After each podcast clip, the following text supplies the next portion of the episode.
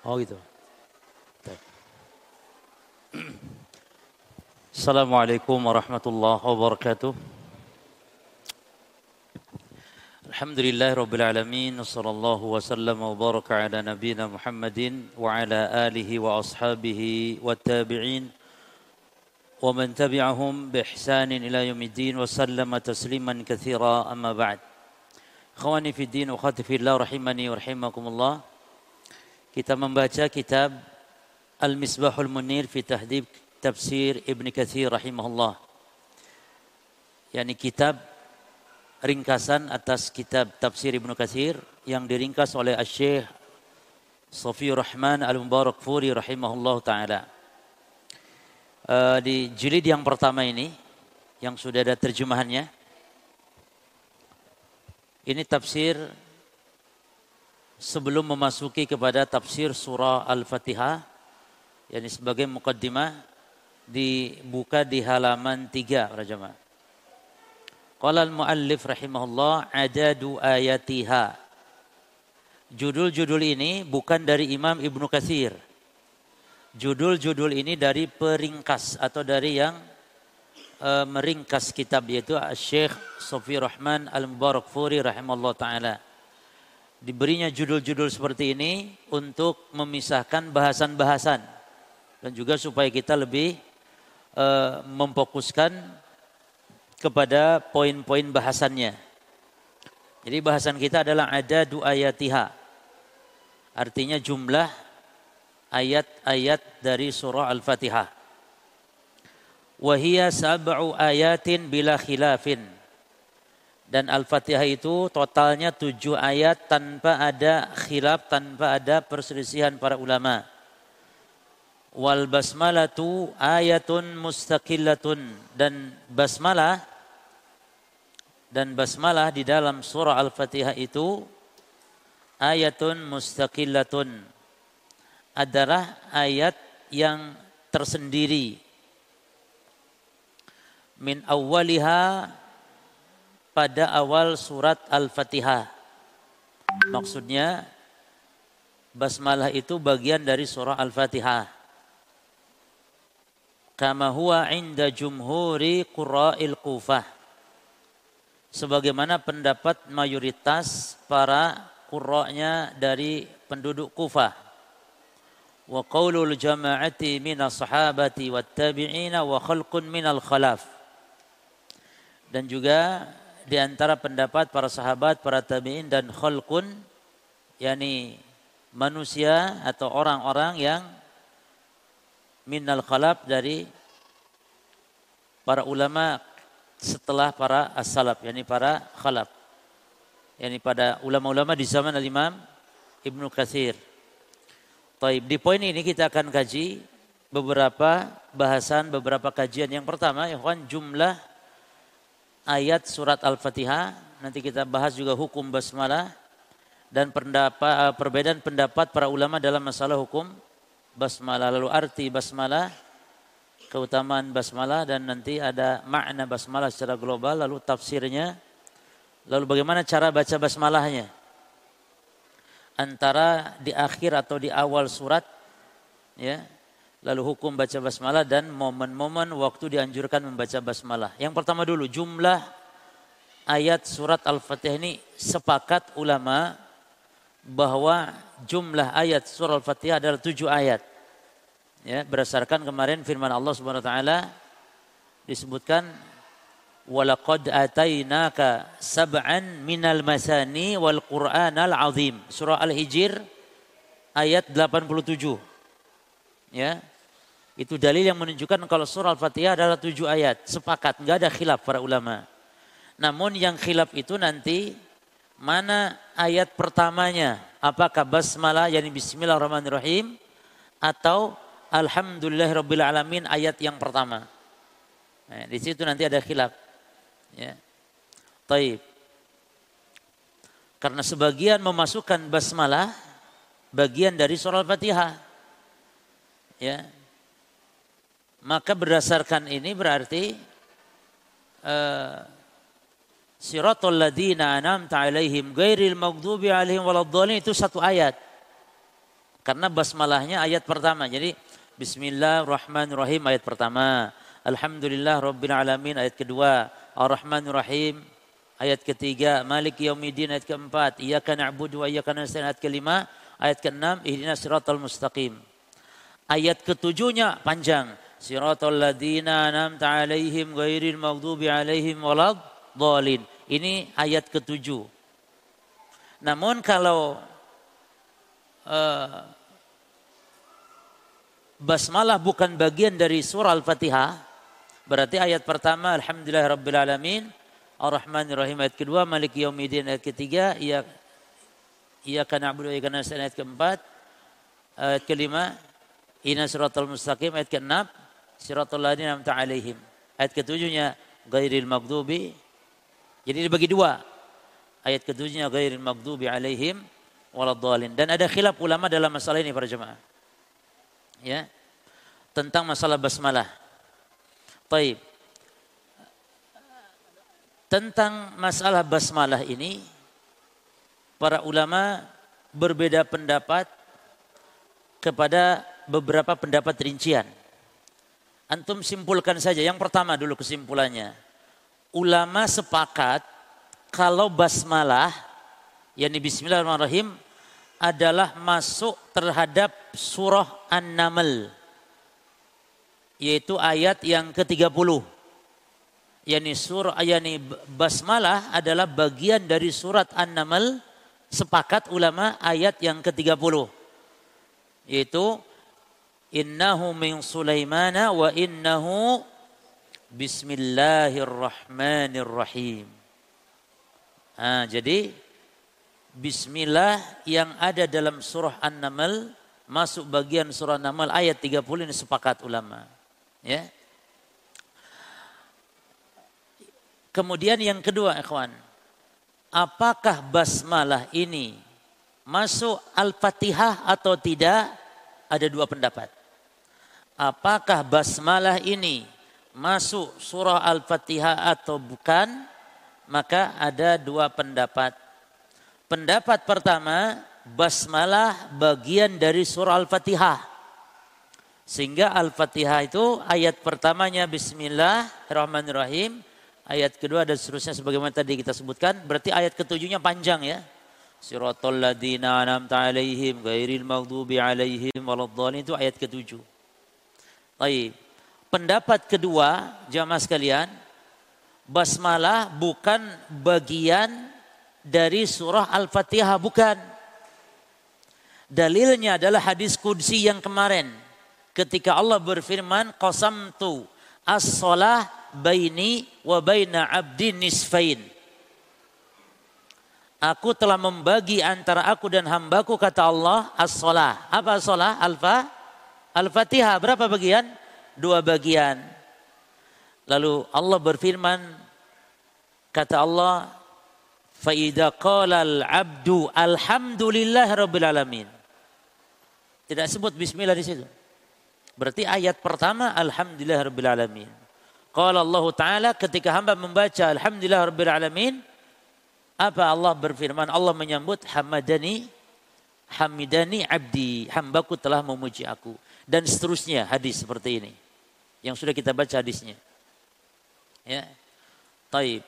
Dan yang roji adalah pendapat yang mengatakan sebagaimana dalam hadis kudus ini secara sari jelas pendapat yang kedua yang mengatakan bahwa basmalah bukan bagian dari surah Al-Fa Al-Fatihah. Yang ketiga, apakah basmalah termasuk di antara surat-surat Al-Qur'an? Karena setiap surat Al-Qur'an diawali dengan apa? Basmalah. Maka ini pun ada dua pendapat ulama. Ada dua pendapat. Pendapat pertama, ikhwan, basmalah ini adalah ayat di setiap di setiap awal surat Quran kecuali baroah, kecuali taubah. Mana dalilnya? Kalau pendapat pertama ini bahwa basmalah bagian daripada surat Al-Quran karena di setiap surat Al-Quran ada basmalah di awalnya, maka itu dianggap ayat pertama. Di Al-Baqarah ayat pertamanya ya bismillahirrahmanirrahim, lalu alif lam mim dan seterusnya. Masuk setiap surat kecuali surah Al-Baqarah. Mana dasar, mana dalilnya jemaah? Dalilnya adalah ketika Nabi menerima wahyu surah Al-Kautsar. Hadis Anas bin Malik.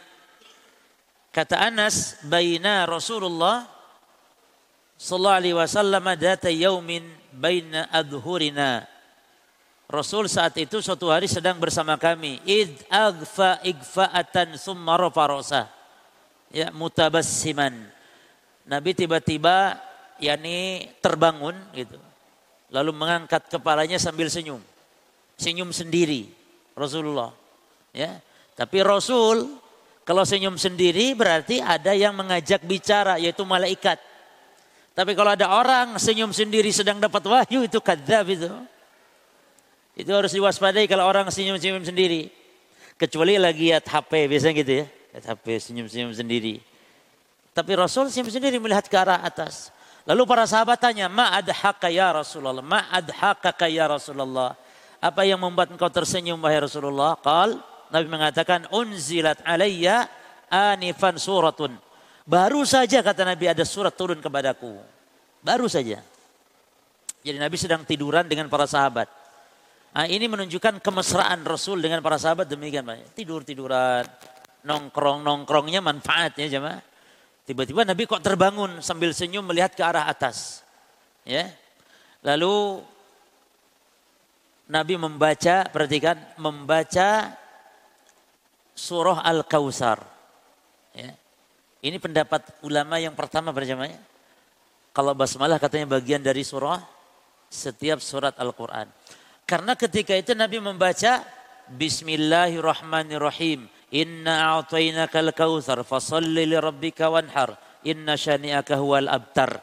Itu surat yang baru turun. Lalu Nabi tanya para sahabat tentang makna dari apa itu Al-Kautsar dan seterusnya. Syahidnya dari hadis ini jemaah segi pendelan dari ulama yang mengatakan bahwa basmalah bagian dari surat-surat Al-Quran, Nabi membaca Al-Kautsar selalu digandengkan dengan bas basmalah. Dan basmalah itu para jemaah, basmalah itu adalah istilah untuk menyingkat lafad bismillahirrahmanirrahim. Itu basmalah namanya. Adapun ada lagi istilah tasmiyah. Nah, tasmiyah itu bukan basmalah. Tasmiyah itu sebutan untuk ucapan menyebut nama Allah bismillah. Dan perhatikan jamaah sekalian, kalau mau makan itu bukan basmalah. Keliru kalau ngajarkan anak-anak kita basmalah. Karena Nabi SAW mengatakan, Ida akala ahadukum faliyakul bismillah. Apabila salah seorang kalian mau makan, bacalah kata Nabi, bismillah. Nabi tidak nyebut ar-Rahman ar-Rahim. Dan itu sifatnya tauqifiyah jemaah. Doa-doa lafad-lafad zikir-zikir yang dari Nabi itu yang dibaca pada momen-momen tertentu itu sifatnya paten tauqifiyah, nggak boleh kita nambah, nggak boleh ya dikir pada sholat, dikir dalam sholat, dikir ruku, dikir sujud, dikir mau makan, dikir setelah makan masuk masjid kolam bersin, nggak boleh ditambah. Nah itu tasmiyah. Mau menyembelih apa? Tasmiyah. Mau berwudu tasmiyah. La salata liman la wudu alahu wala wudu alahu liman lam yadhkuris mallahi alaih. Liman lam yadkuris mullahi alaih. Tidak sah solat tanpa wudu dan tidak sempurna wudu tanpa menyebut nama Allah. Nah, istilah menyebut nama Allah itu bismillah. Sehingga Nabi mengatakan kepada Umar bin Abi Salamah, anak tirinya Nabi, masih bocah dia. Kata Nabi kepada anak tiri beliau ini, anaknya Ummu Salamah, itu anaknya Abi Salamah, ya gulam samillah. Ketika kamu makan, wahai anak, sebutlah nama Allah. Jadi bukan bukan Bismillahirrahmanirrahim, tapi sebut nama Allah, ya ini lafad Bismillah. Menyembelih juga jemaah. Menyembelih itu bukan Bismillahirrahmanirrahim. Menyembelih itu bertasmiyah. Dan itu syarat. Ya. Adapun nanti tambahannya adalah sunnah yaitu takbir. Bismillah wallahu akbar. Bismillahi wallahu akbar. Namun wallahu akbar tidak wajib. Bukan pula syarat. Dia hanya tambahan. Cukup dengan bismillah. Ya. Ada sebutan-sebutan lain misalnya hamdalah. Hamdalah itu adalah sebutan untuk lafad alhamdulillahi rabbil alamin. Itu hamdalah. Ya. Ada tahmid. Kalau tahmid sebutan untuk alhamdulillah saja. Ada tasbih, ada tahlil, ada takbir. Tahlil beda dengan tahlilan. Tahlil ucapan la ilaha illallah. Ada lagi hauqalah. Apa hauqalah? Hauqalah itu sebutan untuk lafad ucapan la haula wala quwwata illa billah. Ada lagi talbiyah. Talbiyah sebutan untuk ucapan apa? Hah? Labbaika Allahumma labbaik dan seterusnya. Ada lagi apa? Isti'adah. Nah, istilah untuk lafad ta'awud. Istighfar. Has. Perhatikan nih kawan. Hasbalah. Nah, sebutan itu apa? Zikir. Hah? Hasbiyallah wa ni'mal wakil. Ya. Ada lagi yang lain? Istirja. Istirja. Istirja. Tadi barusan orang beristirja ada apa ya? Gitu. Apa istirja? Mengucap inna lillahi wa inna ilaihi raji'un. Apa lagi ikhwan? Hah? Apa insya Allah ucapan disingkat apa? Istisna. Istisna itu, nah, istilah untuk insya Allah tapi ketika yakni seseorang mengatakan ya beristisna yakni ucapan insya Allah boleh cuman tidak boleh sebagian ulama mengatakan ketika menyebut saya beriman insya Allah nah, istisna dalam iman dalam madhab Hanafi dalam madhab uh, Murji'ah ya ahli fikih ahli fikih Kufah itu mengharamkan mutlak istisna ya mengucap insya Allah saat mengatakan saya beriman. Tapi yang benar dirinci jemaah. Boleh mengucap insya Allah saya beriman kalau tujuannya dalam rangka tidak memastikan mentazkiyah diri. Karena kita banyak kekurangan amal-amal kita. Nah, kalau tujuan itu tidak apa-apa. Tapi kalau tujuan ragu nggak boleh. Saya mukmin insya Allah. Kok ragu nggak boleh. Ya. Taib. Jelas ya. Jadi pendapat yang pertama, apakah basmalah bagian termasuk di antara surah-surah Al-Quran. Pendapat pertama termasuk di antara surah Al-Quran dan dalilnya riwayat Anas bin Malik tadi. Namun pendapat yang kedua dia bukan bagian dari ayat Al-Quran ya kecuali dari surah An-Naml saja tadi. Kenapa bukan?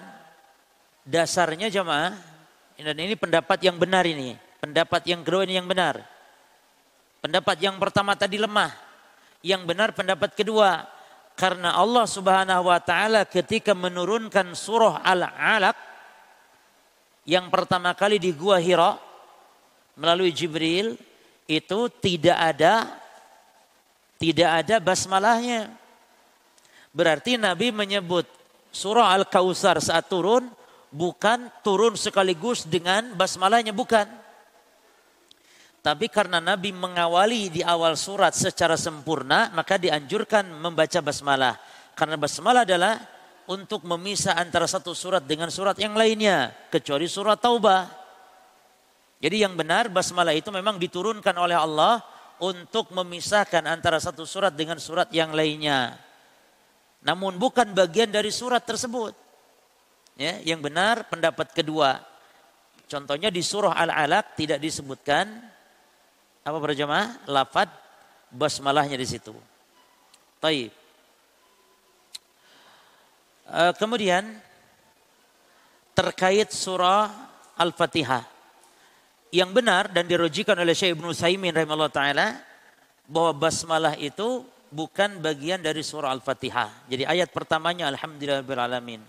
Makanya ketika Siratul ladina an'amta alaihim itu kepanjangan kalau dijadikan satu ayat. Jadi yang benar siratal ladzina an'amta alaihim itu ayat ke-6 ghairil maghdubi alaihim waladdallin itu ayat yang ke tujuhnya. Ayat pertamanya alhamdulillahi rabbil alamin. Oleh karena itu, Nabi mengawali dalam bacaan-bacaan surat ketika sholat, mengawali dengan apa?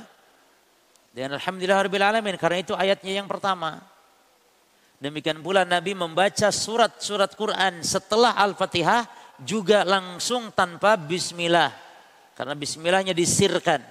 Sebagaimana juga basmalahnya disirkan di dalam surah Al-Fatihah. Kemudian para jamaah sekalian, uh, ada hadis yang disebutkan di dalam tafsir Ibnu Katsir keutamaan basmalah. Ya. Dalam hadis Ibnu Mas'ud disebutkan keutamaan basmalah ini yaitu man arada an yunjihullah minaz zabaniyati tis'ata ashar tis'ata ashar falyaqra bismillahirrahmanirrahim barang siapa yang ingin diselamatkan oleh Allah dari malaikat Zabaniyah yang 19 maka bacalah Bismillahirrahmanirrahim. Liyaj'alallahu lahu min kulli harfin minha junnah min kulli wahid. Supaya masing-masing huruf dijadikan oleh Allah Subhanahu wa taala penghalang atas tiap-tiap malaikat. Ada berapa hurufnya?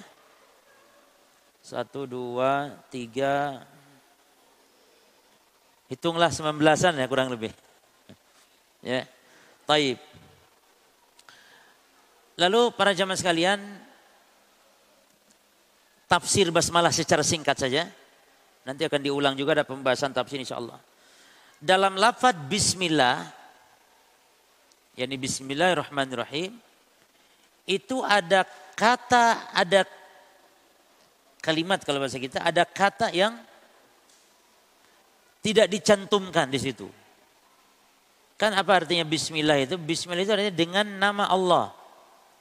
Dengan nama Allah. Apa maknanya? Kan kan seolah-olah tidak sempurna kalimat tersebut dengan nama Allah. Apa maksudnya dengan nama Allah? Maka di situ ada kata yang tidak dicantumkan. Yang mana kata tersebut adalah saya memulai atau dicantumkan secara spesifik saya membaca, saya makan, saya aktivitas, saya belajar dengan menyebut nama Allah. Cuman tidak dicantumkan saya belajar atau saya bekerjanya, saya beraktivitasnya. Tapi takdirnya, ansumsinya adalah fiil, perbuatan yaitu saya melakukan. Misalnya kalau mau makan, saya mau makan. Cuman didahulukan bismillahnya. Jangan mau makannya didahulukan. Jadi dengan menyebut nama Allah saya makan. Dengan menyebut nama Allah saya beraktivitas. Didahulukan bismillahnya sebagai bentuk ngalap keberkahan. Didahulukan. Bukan saya makannya. Tapi bismillahnya didahulukan dari aktivitas yang akan kita lakukan. Jadi faedahnya mendahulukan basmalah dari pekerjaan yang kita sebutkan atau yang kita niatkan Pertama sebagai ngalap berkah, ya, bentuk ngalap keberkahan karena memulai dengan nama Allah. Yang kedua sebagai bentuk al-hasar pembatasannya. Ya. Karena ketika objeknya didahulukan dalam bahasa Arab, ketika objek didahulukan, ini berfaedah pembatasan. Berarti maknanya hanya dengan menyebut nama Allah saya makan. Hanya tidak menyebut nama jin, tidak menyebut nama setan, tidak menyebut nama makhluk selain Allah. Tidak. Hanya dengan menyebut nama Allah saja saya makan, saya minum, saya beraktivitas. Jelas ya? Bismillahi akulu. Bismillahi akra'u. Didahulukan bismillahnya. Nah, itu di antara tafsir. Adapun lafad Allah para jemaah. Lafad Allah adalah nama yang asal Allah itu. Nama yang pokok istilahnya. Nama-nama Allah yang lain itu ngikut mengikuti kepada nama Allah tersebut. Maka kita katakan Ar-Rahman itu namanya Allah. Ar-Rahim itu namanya Allah. Al-Aziz berarti Allah itu namanya banyak. Jangan seperti akidahnya Jahmiyah. Kalau mengatakan Allah sifatnya banyak, namanya banyak, berarti Allahnya banyak katanya. Syirik namanya. Lah ya jemaah. Makanya orang-orang Jahmiyah mengingkari sifat Allah. Karena kalau Allah disifati dengan banyak sifat, Allah maha mendengar, melihat dan seterusnya, berarti Allahnya banyak. Kan tidak demikian. Orang manusia, satu orang, namanya Pak Muhammad. Pak Muhammad disifati Pak Muhammad melihat, Pak Muhammad mendengar, Pak Muhammad ganteng, Pak Muhammad banyak sifat-sifat yang lain. Tapi orangnya satu namanya Muhammad. Demikian pula Allah Subhanahu wa taala. Dan setiap nama Allah ya pasti menunjukkan kepada sifatnya. Seperti Ar-Rahman mengandung sifat rahmah, menetapkan sifat rahmah. Ya, nama Allah misalnya uh, Al-Izzah ya, nama Allah Al-Aziz menunjukkan sifat izzahnya Allah Subhanahu wa taala. Adapun Ar-Rahman dan Ar-Rahim dalam lafaz basmalah ini adalah nama Allah yang terkandung makna di dalamnya makna rahmat. Makna rahmat para jemaah. Bedanya antara Ar-Rahman dan Ar-Rahim apa? Kalau Ar-Rahman itu menunjukkan sifat yang rahmatnya itu luas meliputi muslim, kafir, semua makhluk. Di dunia. Adapun Ar-Rahim sifat rahmat Allah yang khusus hanya orang-orang tertentu. Itu orang-orang beriman, itu di akhirat. Adapun yang beriman di dunia dapat dengan keluasan rahmat Allah termasuk kafir juga dapat rahmat Allah. Kalau orang kafir yang dapat rahmat Allah tidak akan makan di dunia ini, dia akan mati. Tapi Allah beri makan. Allah beri kesehatan. Allah beri banyak nikmat kepada manusia, hatta binatang. Ya, ini ini rahmat Allah yang luas. Atau perbedaan yang lain ikhwan antara Ar-Rahman dengan Ar-Rahim yang secara mana artinya sama terkandung rahmat.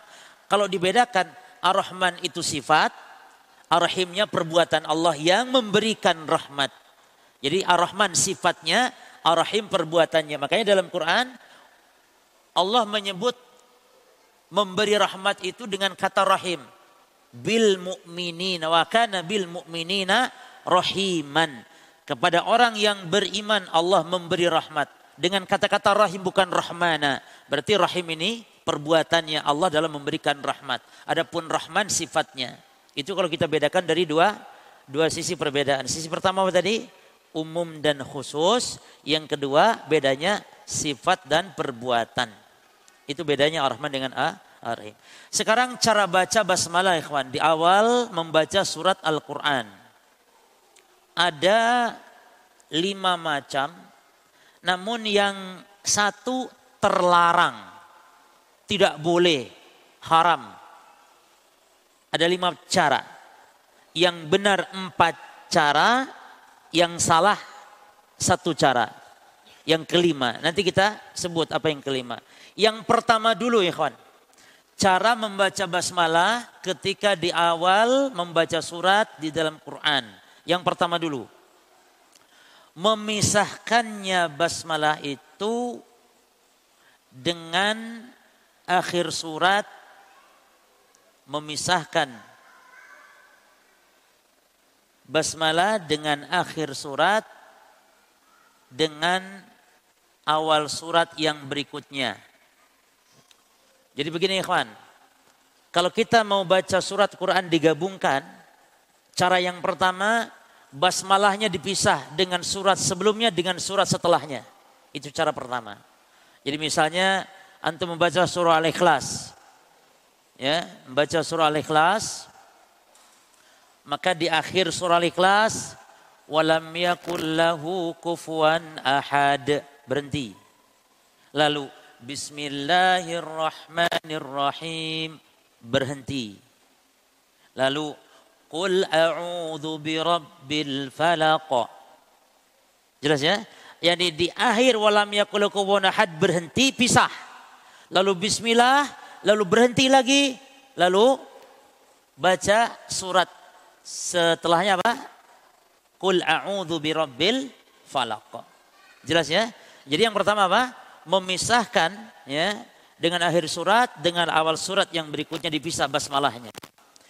Cara yang kedua ya kawan, menggabungkan basmalah menggabungkan basmalah dengan akhir surat dan awal surat berikutnya. Digabungkan. Walam yakul lahu kufuwan ahadu. Bismillahirrahmanirrahim. Qul A'udzu birabbil falaq. Disambung begitu boleh. Walam yakul lahu kufuwan ahadu. Bismillahirrahmanirrahim. Qul sambung. Yang ketiga, memisahkan dengan akhir surat, pisah, tapi menggabungkan dengan awal surat. Ini kebanyakan kita, orang-orang baca Quran ini kebanyakannya. Yani, walam yakul lahu kufuwan ahad. Selesai berhenti. Lalu di awal baca Bismillahirrahmanirrahim. Qul a'u. Digabung kalau yang keduanya. Ya. Jadi dipisahkan dengan surat namun digabungkan basmalah dengan awal surat berikutnya. Jelas ya yang yang yang, yang ketiga ini? Walam yakul lahu kufuwan ahad berhenti.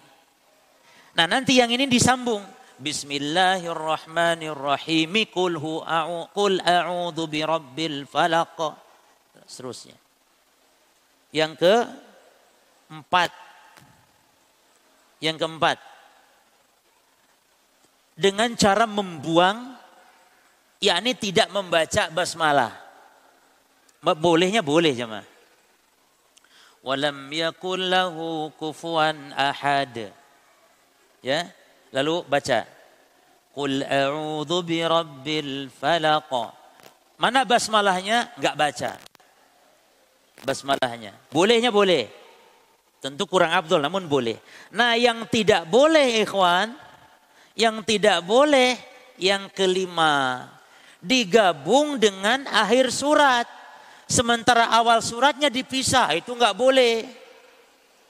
Misalnya walam yakun lahu kufuwan ahadu bismillahirrahmanirrahim.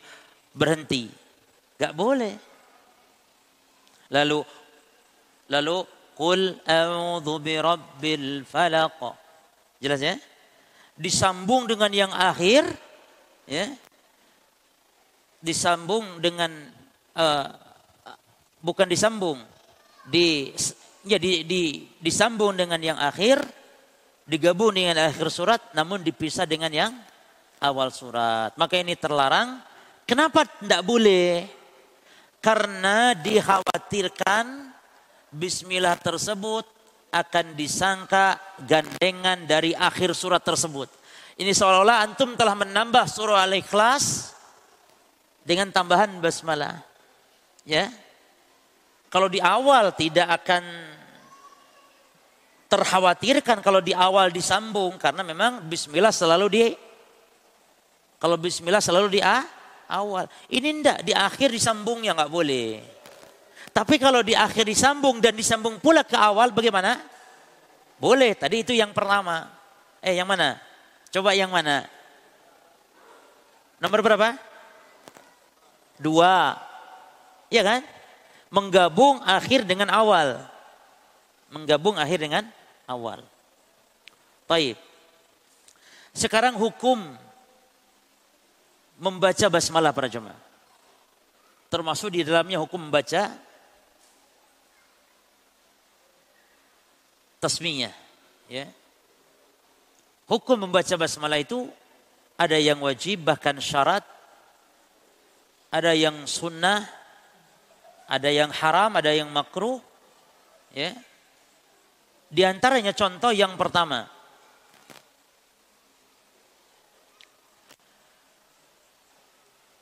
membaca basmalah hukumnya sunnah ketika keluar rumah. Sebagaimana dalam hadis kata Nabi, "Idza kharaja ar-rajul min baitihi faqala bismillah tawakkaltu 'ala Allah la haula wala quwata illa billah." Ini membaca bismillah atau tasmiyah ini hukumnya sunnah. Apabila seorang keluar dari rumahnya lalu membaca bismillah tawakkaltu Allah haula wala quwata illa billah maka dia akan diberi empat perkara. Pertama akan diberinya petunjuk akan dicukupi oleh Allah rizkinya, segala kebutuhannya agar wawukiyat akan dipelihara dari mara bahaya dan tanah halahu syayatin, setan-setan minggir kepada orang yang baca tadi ketika keluar rumah. Ini luar biasa para jemaah. Ya. Yang kedua, contoh hukumnya wajib. Yaitu membaca bismillah ketika makan. Lah, Makanya para jemaah, kalau kita makan, bacanya itu bismillah saja karena Nabi mengatakan idana siahadukum kalau lupa tadi tidak baca bismillah maka falyakul bismillahi fi awalihi wa akhirihi. Jadi ada tambahannya kalau lupa di tengah-tengah kita ingat baca bismillahi fi awalihi wa akhirihi. Ini menunjukkan berarti kalau mau makan itu cuma baca bismillah saja dan kalau lupa ada tambahan yaitu fi awalihi wa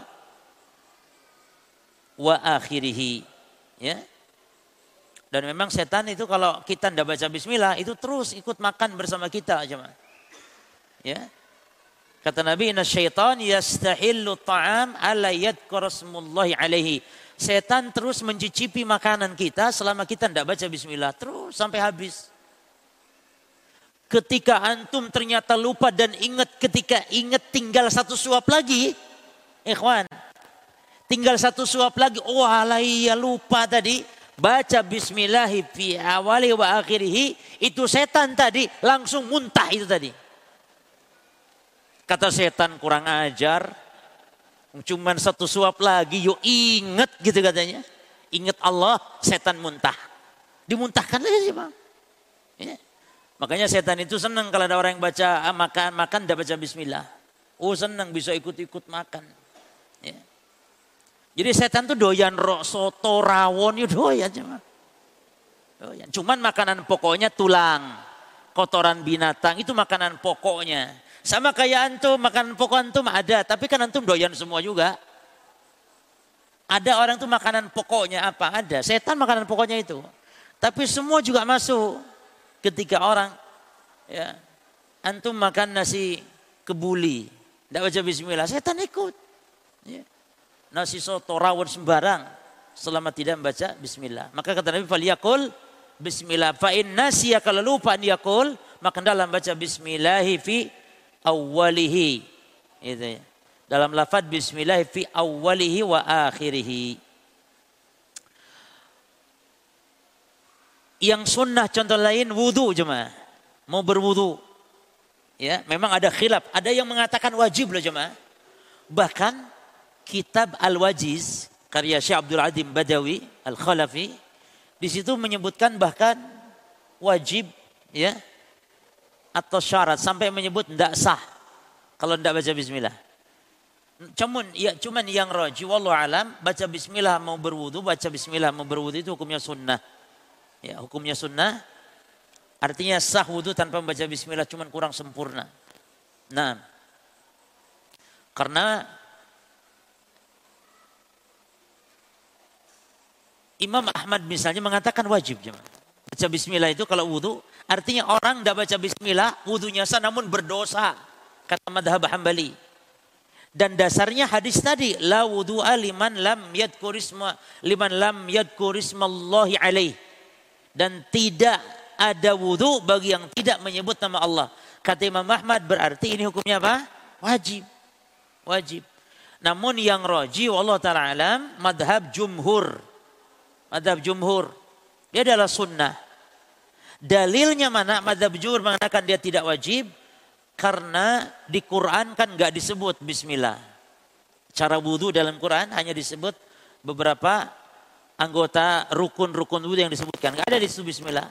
Demikian pula dalam hadis-hadis Nabi mempraktekkan wudhu tidak yakni disebutkan Nabi membaca bismillah di situ. Maka pendapat yang roji Allah alam hukumnya apa jemaah hukumnya sunnah. Jadi tidak sampai wajib. Ya. Demikian pula Syekh Ibnu Utsaimin berpendapat dia hukumnya sunnah. Taib. Contoh yang lain ikhwan menyembelih. Nah, menyembelih hukumnya ada tiga pendapat ulama. Ini antum harus lapang dada ini. Cuman antum penuntut ilmu tetap harus betul-betul. Khilaf ulama ini jangan dipilih mana pendapat yang paling enak. Jangan jemaah. Toib. Dalam hal menyembeli pendapat yang paling enak ya madhab syafi'i. Dalam menyembeli. Jadi begini ikhwan. Dalil di dalam Quran Allah mengatakan fadkurusmallahi alaiha. Ya. Kata Allah, sebutlah nama Allah ketika menyembeli Ini perintah. Sebutlah nama Allah ketika menyembeli Dalam uh, surah Al-Hajj ayat 36. Lalu di dalam surah Al-An'am ayat 121 lebih tegas lagi di situ Allah mengatakan wala ta'kulu jangan kalian makan mimma lam yudkarismullahi alaih. Jangan kalian makan sembelihan yang tidak disebut nama Allah. Jangan kalian makan. Wa innahu lafiskun karena itu adalah kefasikan, jelek, kotor, haram. Itu. Lalu dalam hadis kata Nabi apa? Dikuatkan oleh hadis. Ma, perhatikan syaratnya dua dalam hadis kata Nabi. Ma'an haradama. Wa rasmullahi alaihi fakul. Setiap yang darah dialirkan, yang disembelih dan menyebut nama Allah, makanlah. Maknanya berarti kalau tidak disebut nama Allah walaupun disembelih, tidak menyebut nama Allah walaupun disembelih, jangan makan. Atau walaupun disebut nama Allah, eh apa? Walaupun disebut nama Allah, namun tidak cara disembelih dengan cara digetok batok kepalanya, seperti orang-orang kafir kalau mau makan anjing, digetok kepalanya kawan. Kuik, kuik, getok kepalanya. Kita waktu di Papua itu, ya, tetangga sering dengar dengar dengar gitu tuh. Ya. Kadang-kadang kita sampai tidak bisa makan itu kalau sudah dengar gitu. Ya. Jadi tok kepalanya. Itu nggak boleh. Jadi syaratnya harus teralirkan darah dan dibacakan disebut nama Allah. Dari dalil-dalil ini ya kawan, ulama tiga pendapat dalam menyambil kesimpulan hukum. Ya, mayoritas ulama termasuk Hambaliyah, mayoritas ulama mengatakan wajib baca bismillah itu ketika menyembelih. Konsekuensinya adalah kalau wajib berarti ketika lupa gugur, ketika lupa sembelihannya sah kalau lupa. Jelas ya, ya? Kalau disengaja bagaimana? Yang hukumnya wajib ini, kalau disengaja nggak baca bismillah, sembelihannya tetap sah walaupun dia tetap berdosa. Karena meninggalkan kewajiban, tapi berdosa.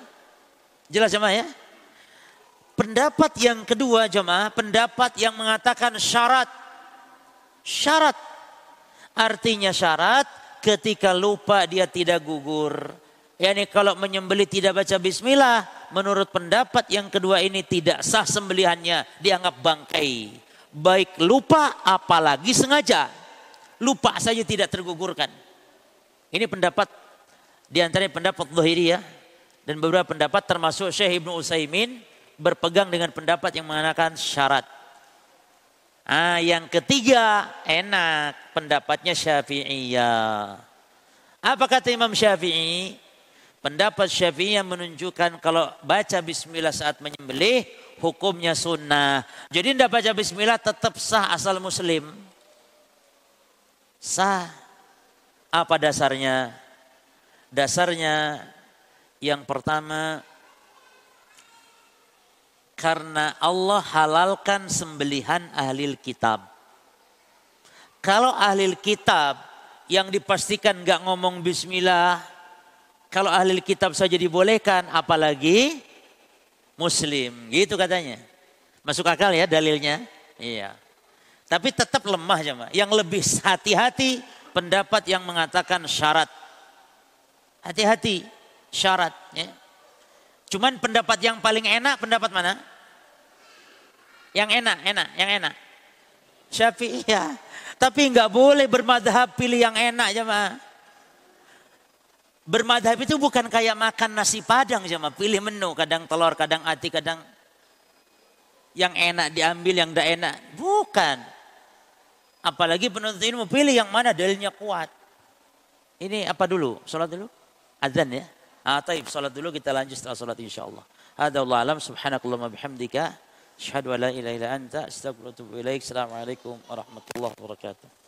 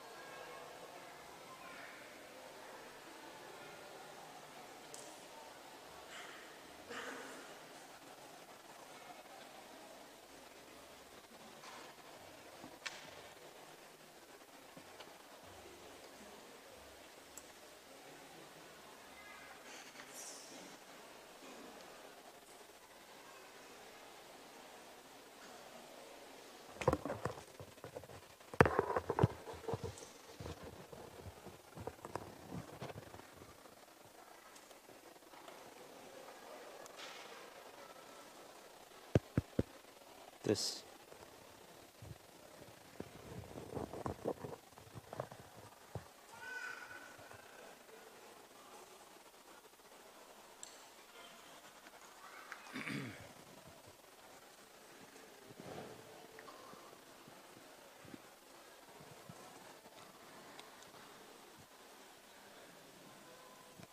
Bismillahirrahmanirrahim.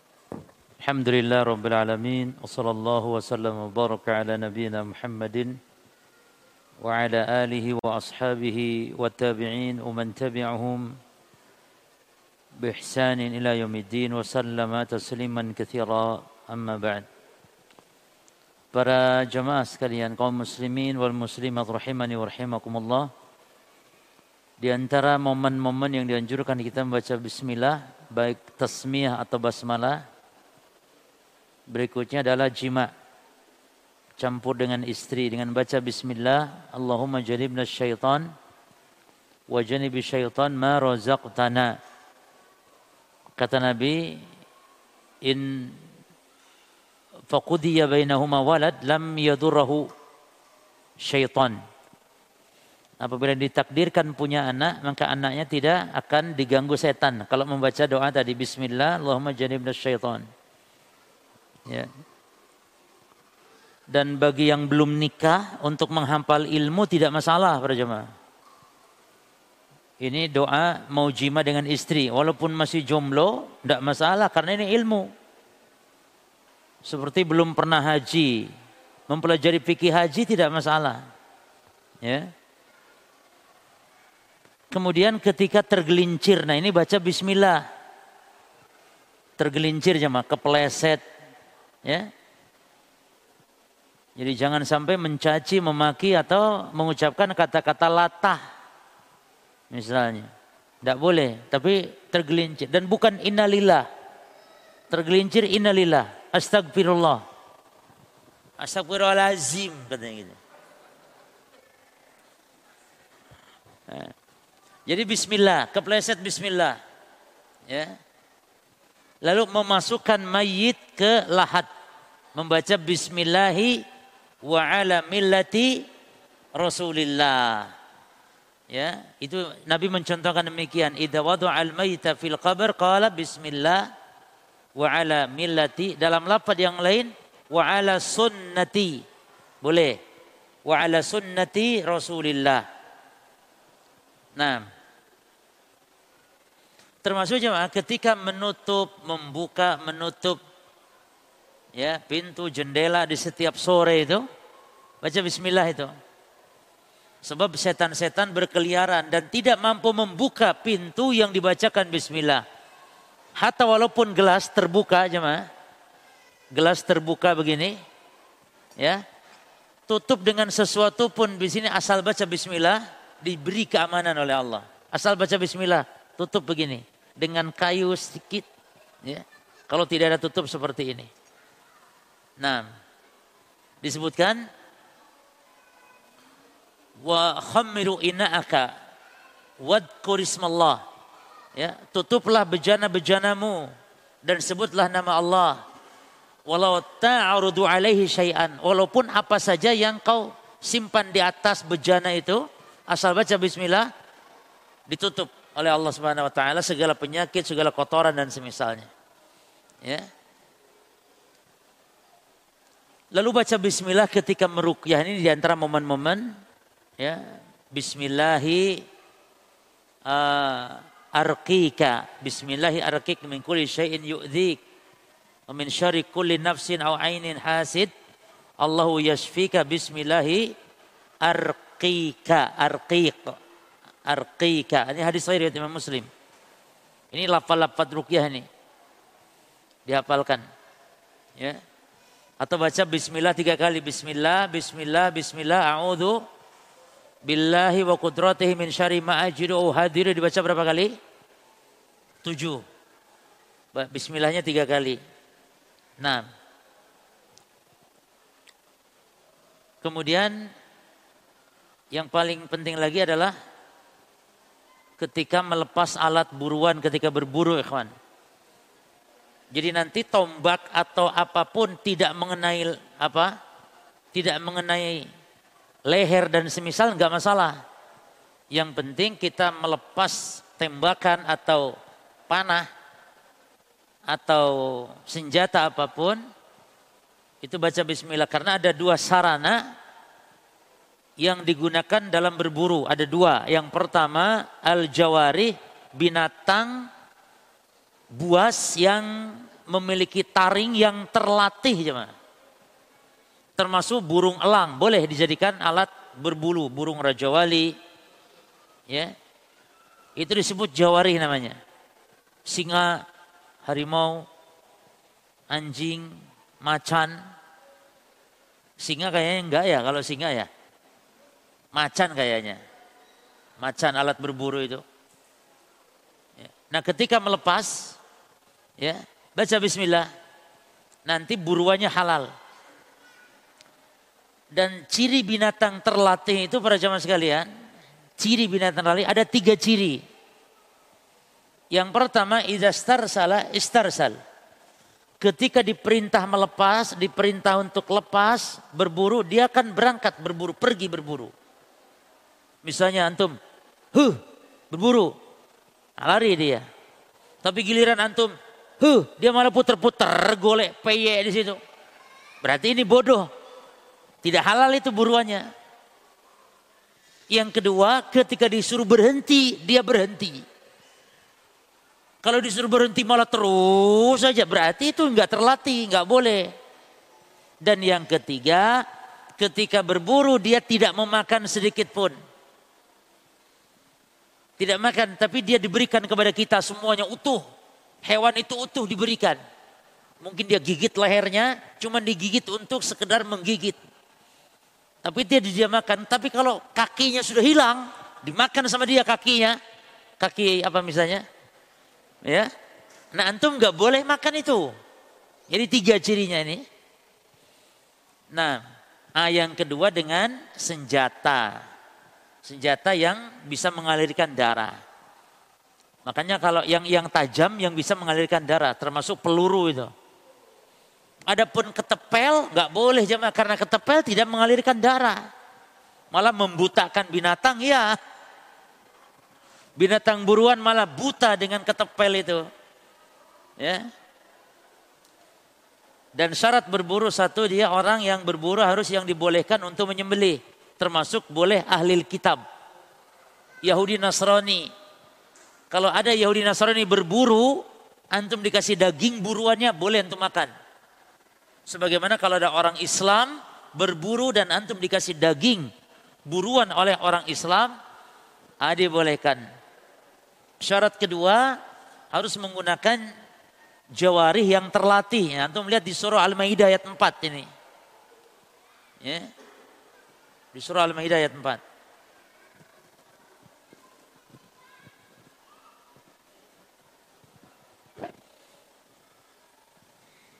Kata Nabi, illa an yakulal kalbu fala ta'kul. Kecuali kalau anjing buruan tadi memakan sebagian buruannya, kalian kata Nabi jangan dimakan itu. Karena itu berarti anjing bodoh. Anjing yang bodoh tidak halal buruannya. Nah, bayangkan. Binatang saja jemaah. Allah hargai kalau berilmu. Anjing yang berilmu menyebabkan buruannya halal. Anjing yang bodoh menyebabkan buruannya haram. Ya. Lalu mengucap basmalah, eh bismillah ya nih. Maksudnya bismillah. Nah, kemudian ketika berburu binatang buruan kita itu tidak ada yang menemani. Anjing liar lain nggak boleh. Kalau binatang kita buruan kita ya binatang binatang buas binatang buruan kita itu menangkap misalnya mangsa buruannya. Tapi diikuti juga bersama ada anjing lain punya entah punya siapa. Gak boleh jemaah. Ya, gak boleh. Atau itu di antara momen-momen. Kemudian kita lanjutkan adadu kalimatiha wa hurufiha. Adadu kalimatiha wa hurufiha. Jumlah kata kalimat itu kata-katanya dan huruf-hurufnya. Ya.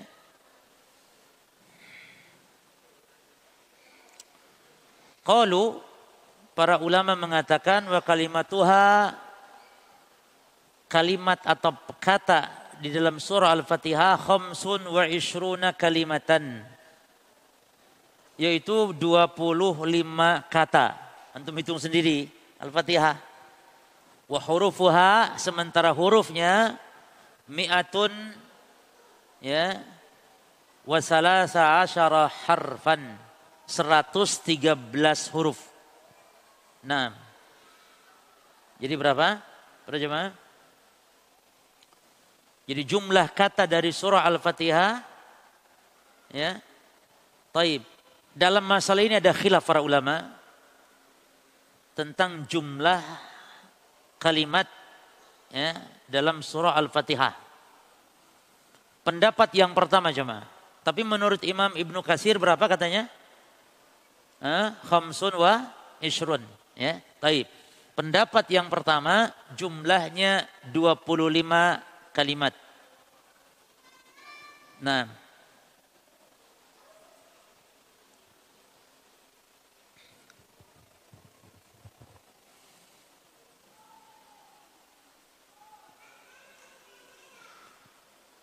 Pendapat yang kedua jumlahnya sab'un wa ishrun kalimah.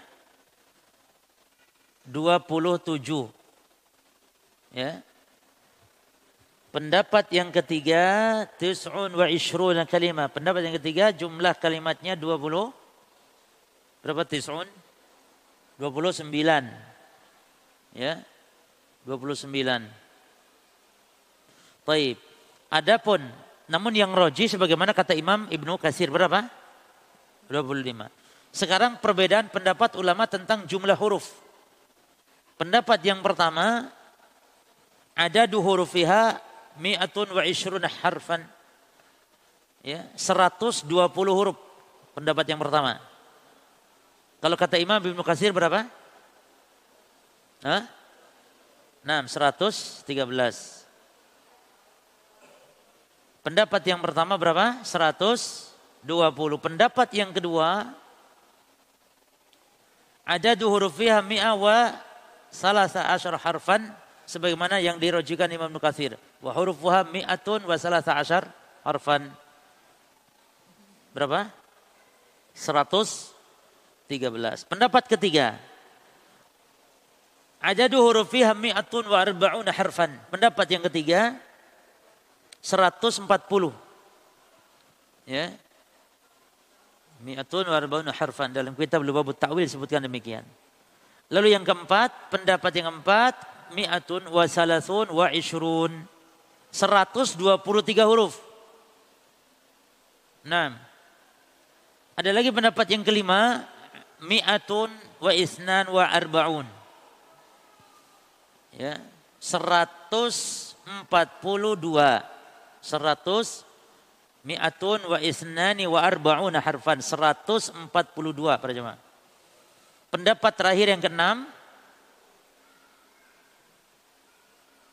mi'atun salasa wa arba'un. 143 huruf. Ya 143 huruf.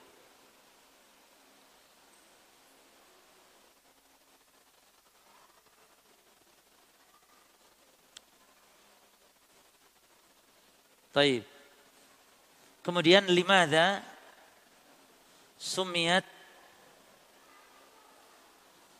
lima sumiyat ummul kitab. Kan mengapa Al-Fatihah dinamakan ummul kitab? Qala Al-Bukhari rahimahullah fi awal kitab at-tafsir. Imam Al-Bukhari Imam Al-Bukhari mengatakan di awal kitab tafsir Wasumiyat ummal kitab dinamakan ummal kitab yakni induknya al-kitab li'annahu yubda'u bi kitabatiha fil masahif karena dimulai penulisan basmalah uh, di penulisan Al-Fatihah di dalam mushaf-mushaf. Ini mushaf awalnya surah apa? Pertama kali Al-Fatihah. Itu alasan pertama dinamakan Ummul Kitab. Yang kedua, wa yubda'u bi qiraatiha fi. Disebut Alfa Ummul Kitab karena di dalam salat surat yang pertama dibaca Al-Fatihah. Ya. Nah, ada pendapat yang ketiga wakila dan dikatakan oleh para ulama innama summiyat bidzalika liruju'i qur'ani kullihi ila ma tadammanathu. Karena hal itu dikarenakan semua makna-makna Al-Quran kembali kepada kandungan yang ada dalam surah Al-Fatihah. Bahkan kata para ulama, seluruh Quran terkandung di dalam Al-Fatihah dan di dalam Al-Fatihah itu terkandung di dalam satu ayat yaitu Iyaka na'budu wa iyaka nasta'in. Ayat Al-Quran diperes misalnya ya menjadi sarinya itu dalam Al-Fatihah. Diperas lagi ada di dalam Iyyaka na'budu wa iyyaka nasta'in. Oleh karena itu Imam Ibnul Qayyim menafsirkan Iyyaka na'budu wa iyyaka nasta'in dalam tiga jilid kitab. Judul kitabnya Madarikus Salikin. Madariku As-Salikin. Tafsir terhadap Iyyaka na'budu wa iyyaka nasta'in dan itu intisari dari Al-Fatihah dan Al-Fatihah intisari dari seluruh makna-makna Al-Quran yang 30 juz. Maka demikian agungnya. Taib. Qala Ibnu Jarir. Al-Imam Ibnu Jarir mengatakan wal arabu tusamma atau sammi kulla jami'in amrin au muqaddamin li amrin idza kanat lahu tawabi' tatba'uhu huwa laha imam jami'u jami'un umman fatakulu lil jildati allati tajma'u ad-dimagha ummur ra'si. Ibnu Jarir mengatakan wal Arab ini orang Arab tusammi kulla jami'in menyebut ya menyebut terhadap setiap yang mencakup itu dengan um. Orang Arab mengistilahkan terhadap hal-hal yang mencakup menyeluruh itu dengan apa namanya dengan um. Ya dengan um atau muqaddamin li amrin atau sesuatu yang menjadi pendahului ya idza kanat lahu tawabi apabila ada yang mengikutinya itu dinamakan um ya dinamakan um makanya ummul kitab yakni induknya ada yang mengikutinya itu Al-Qur'an Al-Fatihah disebut ummul kitab itu sebab itu alasannya maka fatakulu lil jildati lati tajma'u dimagha umroksi. Oleh karena itu dikatakan kepada kulit yang mengumpulkan otak itu disebut dengan apa? Ummur induknya kepala. Otak itu induknya kepala. Ya. Nah, wa yusammuna liwa al-jais. Demikian pula orang Arab menyebut liwa bendera atau panji dalam prajurit peperangan warayatahum dan juga panji-panji peperangan alati yajtami'una tahtaha. Yang mengumpulkan prajurit di bawah bendera itu maka dinamakan juga um. Ya dinamakan juga um. Oleh karena itu qala wa summiyat Makkah dinamakan Makkah itu ummal qura. Kenapa li taqaddumiha amama jami'iha karena Mekah termasuk yang pendahulu atau penghulu dari kota-kota negeri yang lainnya wakila atau Mekah disebut Umul Qura li annal arda duhiyat minha karena bumi ya itu terbentang dari darinya dari Mekah sebagai poros pusatnya. Jadi bumi ini terbentang itu porosnya Mekah para jemaah. Makanya kata para ulama Mekah itu Ka'bah itu adalah tem, apa namanya satu jajar sejajar kalau ke atas dengan Baitul Ma'mur. Namun Allah taala alam yang jelas disebut Mekah Ummul Qura karena dia induknya negeri, induknya kota. Termasuk kita Jakarta Ummu Ummul Quranya Indonesia barangkali gitu. Karena dia pusatnya semua kota-kota di Indonesia ngikut kepada Jakarta. Maka Alkitab, Al-Quran dan surah Al-Fatihah disebut Ummul Kitab. Taib. Rawali Imam Ahmad an Abi Hurairah. Imam Ahmad meriwayatkan ya an Abi dari Abi Hurairah an Nabi sallallahu alaihi wasallam anahu qala bahwasanya beliau bersabda fi ummil Quran tentang ummul Quran. Hia Nabi mengatakan Al-Fatihah itu ummul Quran. Jadi Nabi sendiri yang menyebutnya Al-Fatihah ummul Quran. Wahiyya sab'ul masani kata Nabi dan Al-Fatihah adalah tujuh ayat yang diulang-ulang. Wahiyya Al-Qur'anul Azim dan dia adalah Al-Qur'an yang agung. Ya. Taib. Jadi sebab penamaan Al-Fatihah dengan Ummul Kitab ada beberapa pembahasan oleh para ulama ya. Ada beberapa pembahasan yang telah disebutkan tadi. Taib. Dan di dalam surah Al-Fatihah terkandung berjamaah jenis-jenis aneka ragam ya. Hukum-hukum Quran semua tercakup. Ada tauhidnya, ya, ada perintah ibadahnya, ada sejarahnya. Dari mana sejarahnya? Dari ghairil maghdubi alaihim ghairil maghdubi alaihim waladdallin. Ihdinas siratal mustaqim siratal ladzina an'amta alaihim. Ini sejarah para nabi, para rasul. Jalan orang yang telah beri nikmat ghairil maghdub ini sejarah orang-orang Yahudi waladhdallin dan sejarah orang-orang Nasrani. Jadi lengkap di dalam surah Al-Fatihah tadi. Taib. Pembahasan hari akhir ada iya uh, apa namanya? Maliki Yaumiddin. Pembahasan hari akhir ada. Pembahasan ibadah kepada Allah ada. Pembahasan isti'anah minta tolong kepada Allah, pembahasan doa pembahasan tegarnya di atas jalan yang lurus ada. Ini mencakup Al-Quran seluruhnya ada di dalam surah Al-Fatihah. Kemudian Al-Fatihah itu jemaah surat yang paling agung ya. Karena Nabi menyebutnya apa?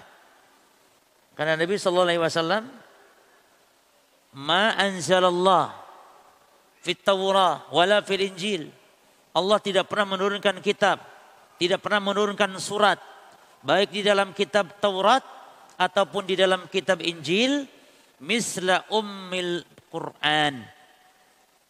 Seperti Al-Fatihah Ummul Quran. Gak ada. Ya.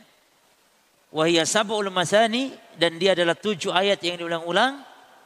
Wahia maksumatun baini wa baina abdi wali abdi masa'ala. Dan itu pembagian. Jadi Al-Fatihah itu dibagi oleh Allah antara Allah dan hamba. Ini menunjukkan agungnya surah Al-Fatihah. Lalu muallif menyebutkan kepada kita tentang keutamaan surah Al-Fatihah dan dibawakan beberapa hadis-hadis Nabi. Ya. Hadis-hadis Nabi. Kita insya Allah akan baca hadis-hadis ini.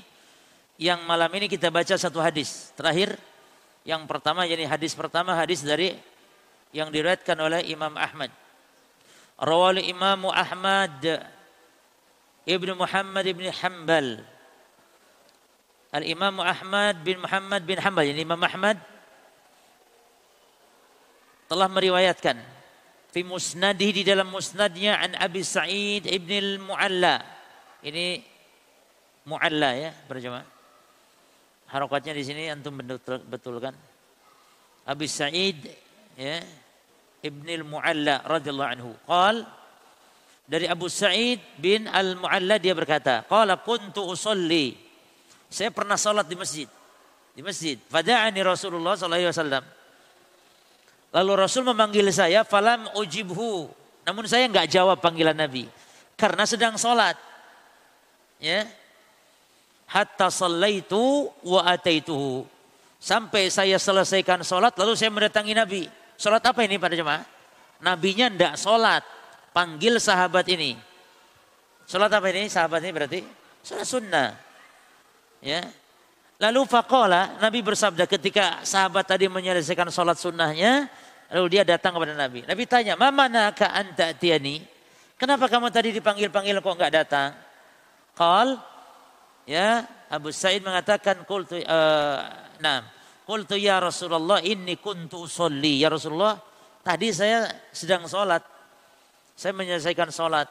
Qala lalu Nabi bersabda, alam yuk alam yukulillahu bukankah Allah telah berfirman dalam surah Al-Anfal ayat 24 Ya ayyuhalladzina amanu stajibu lillahi walir rasul idza da'akum lima yuhyikum Wahai orang-orang beriman hendaklah penuhi panggilan Allah, panggilan Rasul apabila Allah Rasul menyeru kalian lima yuhyikum yang dengan itu Allah memberi kehidupan kepada kalian, menghidupkan kalian. Menghidupkan iman, menghidupkan hidayah. Kalau kita memenuhi panggilan Allah dan Rasulnya. Nah ini kata para ulama, kalau Allah dan Rasul atau kalau Rasul memanggil walaupun sedang sholat sunnah harus batalkan sholat penuhi panggilan. Apa namanya panggilan? Rasul. Termasuk kalau ibu kita memanggil. Maka kalau ibu kita memanggil dirinci para jamaah.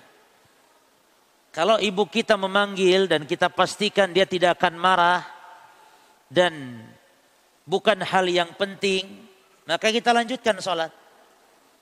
Tapi kalau diduga kuat ibu kita ini hal yang penting dan dia akan marah kalau dia ya tidak memenuhinya, maka batalkan sholat kita dan memenuhi panggilan orang tua. Ini ndak anak-anak sekarang jangankan jangan sedang sholat, sedang main game ya dipanggil ibunya diam saja. Naudzubillah. Ya. Gak boleh jemaah. Ya. Penuhi panggilan ibu kita. Ya. Rendahkan suara kita di hadapan orang tua kita Bersikaplah kita rendah hati di hadapan mereka. Segel, setinggi gelar kita pun para jamaah. Jangan kita menyombongkan diri di hadapan orang tua. Berkatalah dengan kaulan karima. Perkataan yang mulia bukan lagi lemah lembut, mulia. Ya. Dipilih kata-kata jangan sampai nyinggung. Nah, lalu fa'akhadha biyadi lalu Rasul memegang tangan saya falamma arada an yakhruj minal masjid Lihat para jemaah sekalian, di antara kebiasaan Nabi, ini hal-hal yang mungkin kita jarang melakukannya. Nabi suka pegang tangan sahabat. Pegang tangan. Kita mungkin malu. ya Pegang tangan. Menunjukkan kecintaan, keakraban. Dipegang, lihat para masyaih kita ya. Ini memang di antara kebiasaan orang Arab. Lihat masyaih kita. Saling pegang tangan. Kita sering lihat Syekh Ali Hasan dengan rahimahullah dengan Syekh uh, uh, siapa? Uh, saat itu bersama Al-Abbadi ya, pegangan tangan. Biasa, saya masyhur kita lihat berpegang tangan. Nah, nah Nabi juga demikian, akhadha biyadi. Falamma rada an yakhruja minal masjid Yani nabinya belum memberitahukan kok diam saja nabinya dipegang tangannya.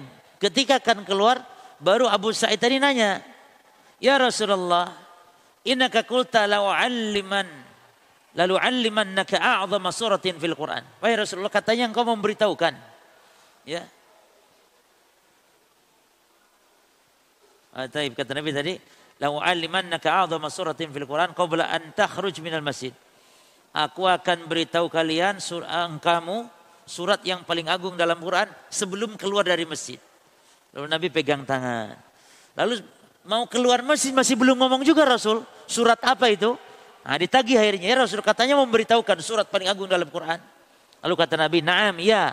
Yaitu Alhamdulillah Rabbil Alamin. Jadi di antara nama surat Al-Fatihah adalah apa jemaah? Di antara nama surat Al-Fatihah itu surah Alhamdulillah Rabbil Alamin. Nah, kata Nabi Sabul Masani dia tujuh ayat yang ulang-ulang wal Qur'anul azim alladzi utituhu dan dia Quran yang agung yang aku diberikan oleh Allah Subhanahu wa taala. Ya. Jadi Al-Qur'an yang paling agung, surat yang paling agung dalam Quran jawabannya jangan ayat kursi. Surat yang paling agung dalam Quran jawabannya Al-Fatihah. Ayat yang paling agung dalam Quran baru ayatul kursi. Ayat yang paling agung. Kalau surat yang paling agung Al-Fatihah. Wa hakadha rawahul Bukhari wa Abu Dawud wa Nasai wa Ibnu Majah. Demikianlah Al-Imam Al-Bukhari meriwayatkan juga Abu Dawud dan Al-Imam Nasai dan Al-Imam Ibnu Majah. Empat ulama besar ini, ulama ahli hadis yang namanya terus harum disebut-sebut oleh umat Islam dari zaman ke zaman sampai hari kiamat. Bukhari, Abu Dawud, Nasai, Ibnu Majah ini bukan orang Arab. Ini menunjukkan berjamaah bahwa yang berkhidmat dalam Islam tidak hanya orang Arab. Bahkan yang sangat menakjubkan si Bawai imamnya bahasa Arab bukan orang Arab. Masya Allah. Ini memotivasi kita untuk belajar. Jangan putus asa. Gitu. Imam Bukhari orang Bukhara. Abu Dawud orang Sijistan. Orang uh, Imam An-Nasai. Ya. Demikian pula Ibnu Majah. Al-Qazwani orang Qazwan. Artinya orang-orang Asia. Yang dia bukan orang. Ya ini orang yang notabene bukan orang Arab. Banyak juga di antara orang Arab menjadi ulama, menjadi Ya buktinya para sahabat orang-orang Arab. Cuman sekarang lihat ulama-ulama hadis yang mencatat menulis hadis dia bukan orang Arab. Ini berarti penyemangat bagi kita. Ya. Baik. Segera cukup insya Allah. Kita lanjut nanti hadis yang kedua ya. Halaman 8. Mudah-mudahan pertemuan berikut uh, sudah dicetak ya para jemaah ya. Nah.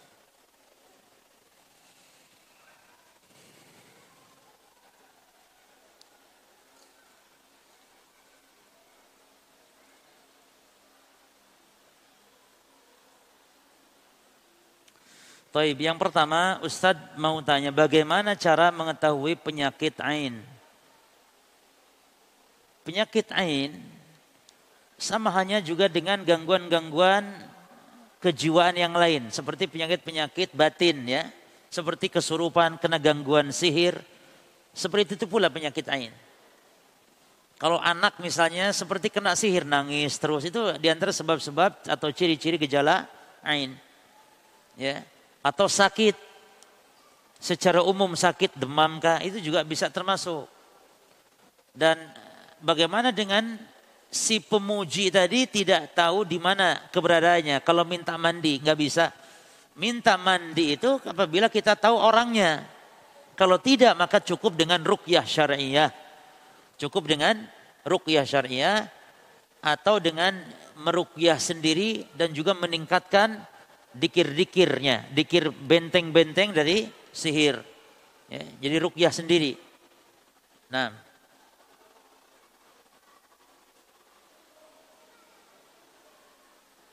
selesai membaca Al-Fatihah dalam sholat, lalu membaca ayat Al-Quran. Tetapi tidak mulai dari awal surat, dari tengah-tengah surat misalnya. Apakah langsung membaca ayat tersebut tanpa mengawali dengan basmalah atau ta'awud? Betul, Ya.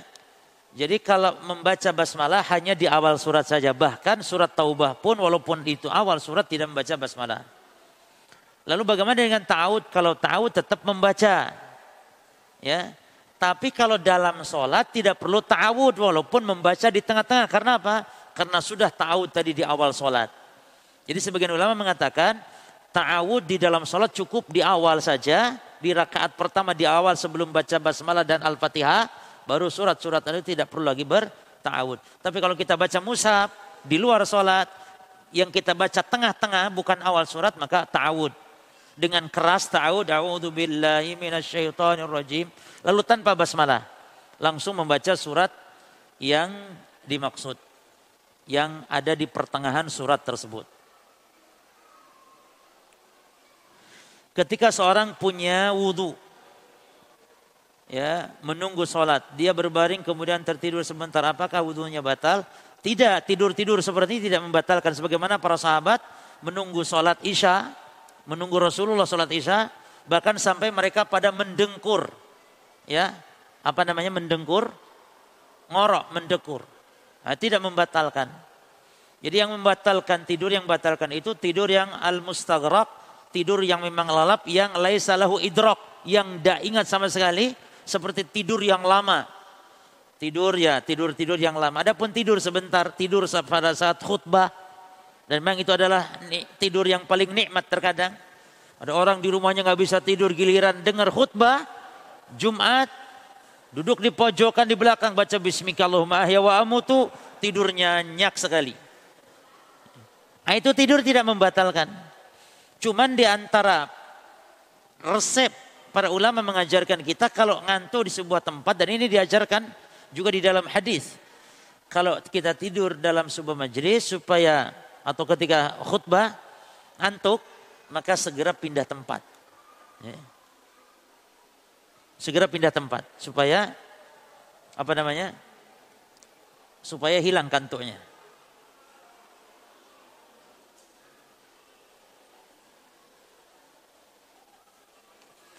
Ah, ini pertanyaan sudah saya uh, sampaikan di beberapa majelis-majelis grup ya di WA saya sebarkan tentang berwudu telanjang kamar mandi boleh karena wudu itu tidak bersyarat harus menutup aurat kecuali kalau wudunya di luar. Terus yang kedua boleh berwudu di kamar mandi. Boleh berjamaah karena Nabi pun berwudu di kamar mandi. Cuma masalahnya baca bismillahnya yang menjadi khilaf ulama. Kalau Syekh Utsaimin katanya baca bismillahnya di luar, baru wudhunya di dalam. Ya, ada yang baca dalam hati. Ya. Jadi ini yang menjadi khilaf. Kalau memang tidak mau baca bismillah juga tidak apa-apa, gitu. Kalau memang tidak mau membaca bismillah. Nah,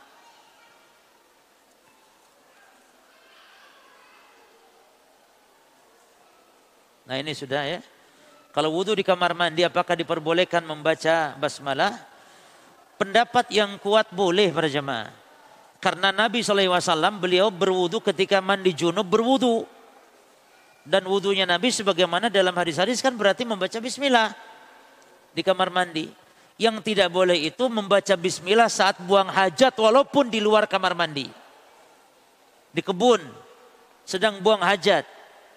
Jadi masalahnya bukan kamar mandinya tapi apa? Tapi buang hajat itu yang tidak diperbolehkan. Makanya Nabi ketika sedang buang, sedang buang air, sahabat mengucapkan salam, Nabi tidak jawab. Karena sedang buang hajat, bukan karena di kamar mandinya, karena sedang buang hajat. Nabi sedang buang air kecil saat itu. Baru beliau keluar dan beliau menjawab salamnya. Nah. Karena kalau sedang buang hajat jamaah jangankan menyebut nama Allah hatta berbicara yang mubah pun tidak diperbolehkan. Jadi jangan sampai apalagi ngobrol. Suami istri, istrinya di dapur, suami sedang ee di dalam toilet. Ngomong pak, masak, ngomong masakan lagi. Wis masak soto ibu. Ala apa wingi soto saya soto isra apa La ilaha illallah. Jadi harus diam jemaah. Apalagi nyebut nama Allah. Ngobrol aja nggak boleh, apalagi nyebut nama Allah. Nah, cukup insya Allah ini yang bisa disampaikan dan bermanfaat. Allah Taala alam. Subhanakallahumma bihamdika. Ashhadu an la ilaha illa anta. Astagfiruka wa. Assalamualaikum warahmatullahi wabarakatuh. Fadal.